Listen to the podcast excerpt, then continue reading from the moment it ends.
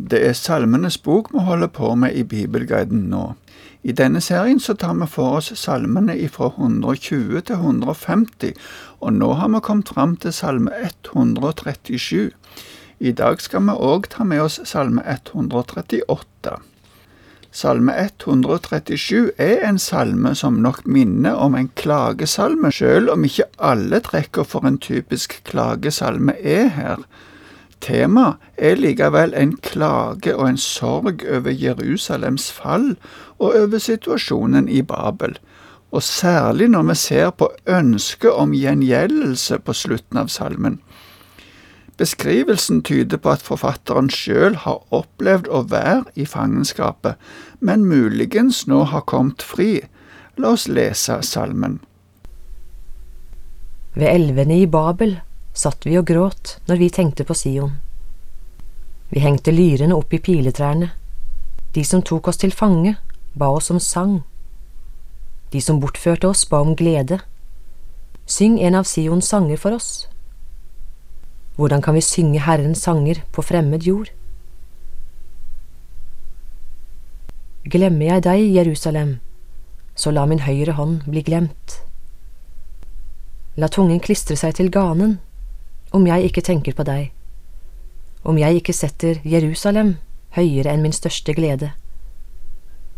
Herre, husk Jerusalems dag, da Edoms sønner sa, Riv ned, riv ned til grunnen. Du datter Babel, som er herjet. Salig er den som gjengjelder det du gjorde mot oss. Salig er den som griper dine barn og knuser dem mot berget. Starten på salmen beskriver sorgen over Jerusalem sin ødeleggelse og det å leve i fangenskapet. Det er ikke uvanlig at personer som har sorg, går til elvebreddene eller til stranda. Der kan de sitte og se på vannet og bølgene og finne ei viss ro i sitt indre. Forfatteren beskriver situasjonen som at han og flere andre satt der og gråt de tenkte på den fine byen som de hadde måttet forlate. Fangenskapet var òg vondt, fordi det der ble forventa at de skulle være glad og synge de sangene som de hadde sunget i Israel. Folk i Babel forsto ikke den smerten israelittene kjente på, men denne smerten gjorde det umulig å synge jubelsangene ifra Sion med strengespill. I Daniels bok så ser vi at tre av Daniel sine venner som ikke ville være med på tilbedelse av en gullstatue som kongen hadde reist, ble kasta i en ildovn. Det å tjene og lyde Gud var nok vanskelig på mange måter. Uten at vi her og nå skal gå grundig eller konkret til verks, kan vi nok òg i vårt samfunn noen ganger ha en opplevelse av at når en holder fram Bibelens ord og vil leve etter det på en slik måte som en har gjort tidligere, så vil mange rundt oss protestere. Det kan hende de vil at vi skal bruke Bibelen til å lovprise det som de gjør, og som vi oppfatter som galt. Kanskje det var noe slikt som lå til grunn for at forfatteren av denne salmen syntes det var vanskelig å synge Sions sanger i Babel. Situasjonen og stemningen ga ikke grunnlag for jubel og glede i Herren. Kanskje opplevde de òg oppfordringen ifra fangevokterne om å synge Sions sanger som en hån. Uttrykket Sions sanger kan òg forstås som noen spesielle sanger som priser Herren som konge i Sion, og som fastslår at Sion er trygt så lenge Herren er der. Dette ser vi særlig i salmene fra 46 til 48. Det å synge disse salmene i Babel var en påminnelse om at det ikke var tilfelle at Sion var så stabilt, og at det da ville oppleves som en selvmotsigelse, og ja, nettopp som en hån imot Herren. Derfor var det mer naturlig i denne situasjonen med klagesalmer og med sorg. Utsagnet om ikke å glemme Jerusalem er mer en kjærlighet til et bestemt sted. Det viser en inderlig kjærlighet til alt som var der. Det viktigste i Jerusalem var tempelet, og tempelet var den plassen der Herren bodde, og der folket årlig fikk soning for syndene sine. Med andre ord kan vi tolke dette som en kjærlighetserklæring til Gud. Når salmen oppfordrer til å huske Jerusalems dag, henviser det til den dagen da Jerusalem ble ødelagt av soldatene ifra Babel. Da var edomittene, som hele tida var Israels sine fiender, ivrige med å oppmuntre babylonerne til å rive ned alt i Jerusalem. Både Babel og Edom hadde allerede blitt dømt i mange profetier, ikke minst hos profeten Jesaja. Men Gud brukte ikke Israel til dette, det var andre folk som skulle gjøre det, men salmen priser lykkelig de som får være med på denne dommen. Uttrykket 'å knuse dine barn mot berget' henviser til en forferdelig skikk som var vanlig i erobringen av andre folk på den tida. Da drepte erobrerne også barna for at det folket som ble erobra, ikke skulle ha noen som vokste opp. En anvendelse av dette har vært at syndene skulle utslettes eller bekjempes ifra rota av, slik at en syndig tanke ikke skal få vokse seg stor i vårt indre. Det kan være en god tanke, men det spørs hvor mye vi skal presse ordlyden i en salme sjøl om tanken i og for seg er bibelsk. Nå skal vi gå over til salme 138, som er en lovprisningssalme, og det nevnes her David som forfatter til denne salmen. I forhold til salmen før er det en drastisk endring i tonen.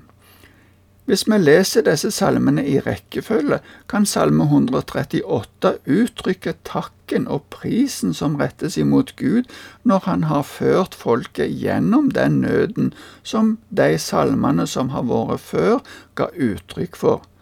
Men før vi sier mer, så skal vi lese salmen. Av David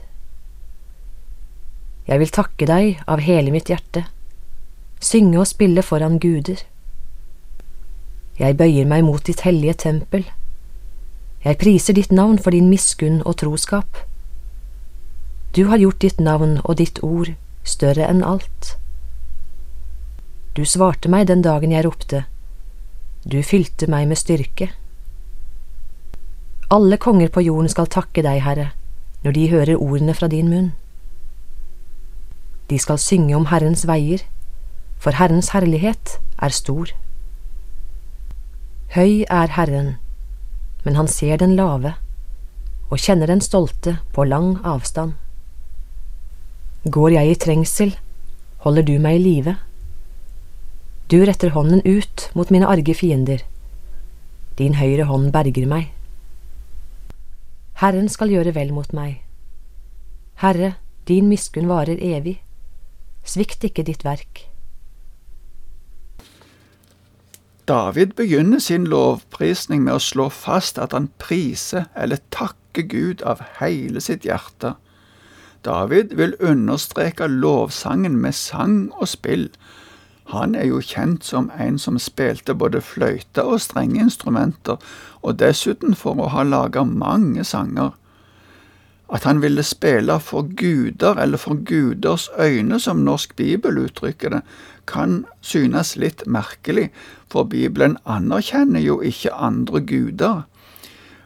På den tida var det vanlig blant andre folkeslag å tenke at hvert land eller landområde hadde sin egen gud som var hersker i det området. Da kan det tolkes som at David er så trygg på sin Gud at han er villig til å synge lovsanger til Gud også i andre territorier, eller kanskje vi skal si foran andre myndigheter. David sier han vil vende seg mot tempelet og prise Gud. Det er fordi både han og folket tenker at det er der Gud er. I vår oversettelse står det at David vil bøye seg.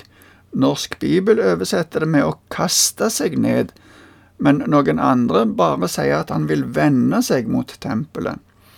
Grunnteksten i seg sjøl sier ikke tydelig beskrivelse av stillingen, men det viktigste er at David, og forhåpentligvis også du og jeg, ønsker å prise Gud av hele hjertet. Da er stillingen av mindre betydning. Hva er det så David vil prise Herren for? David priser Herren for miskunn eller nåde og trofasthet. Det er virkelig gode grunner til å prise Gud. Guds navn og Guds ord, eller for å si det på en annen måte, Guds identitet, er større enn alt. Det neste David jubler for, er at Herren svarte da David ropte og ga han styrke. For David har dette blitt så stort at han forventer at alle kongene på jorda skal være med på å takke Gud for dette, så sant de får høre om det. Vers 6 er et vers som kan være nyttig å grunne litt på. Gud, som er større enn alt, ser allikevel den som er lav, eller ringe, som norsk bibel oversetter det med. Tenk, sjøl om vi føler oss aldri så ubetydelige, ser Gud også deg og meg. Men om det er noen som stoler på sine egne ferdigheter og er stolte av det, så ser Gud også det ja, han ser det på lang avstand. Men i trengsel og mot fiender er Gud med, holder meg i live og berger meg, sier David. Det kan vi godt òg ta med oss som ei trøst. Herren er med alle dager og alle slags dager. Han gjør vel imot oss. Noen oversetter det med at Herren vil fullføre sin gjerning mot oss. Det vil si at han vil lede oss helt fram. Nåden, eller miskunnheten hans, er evig. Når vi regner med Han, vil vi nå fram til fullendelsen hos Han. Det er virkelig en grunn til å lovprise Herren for. Takk for i dag.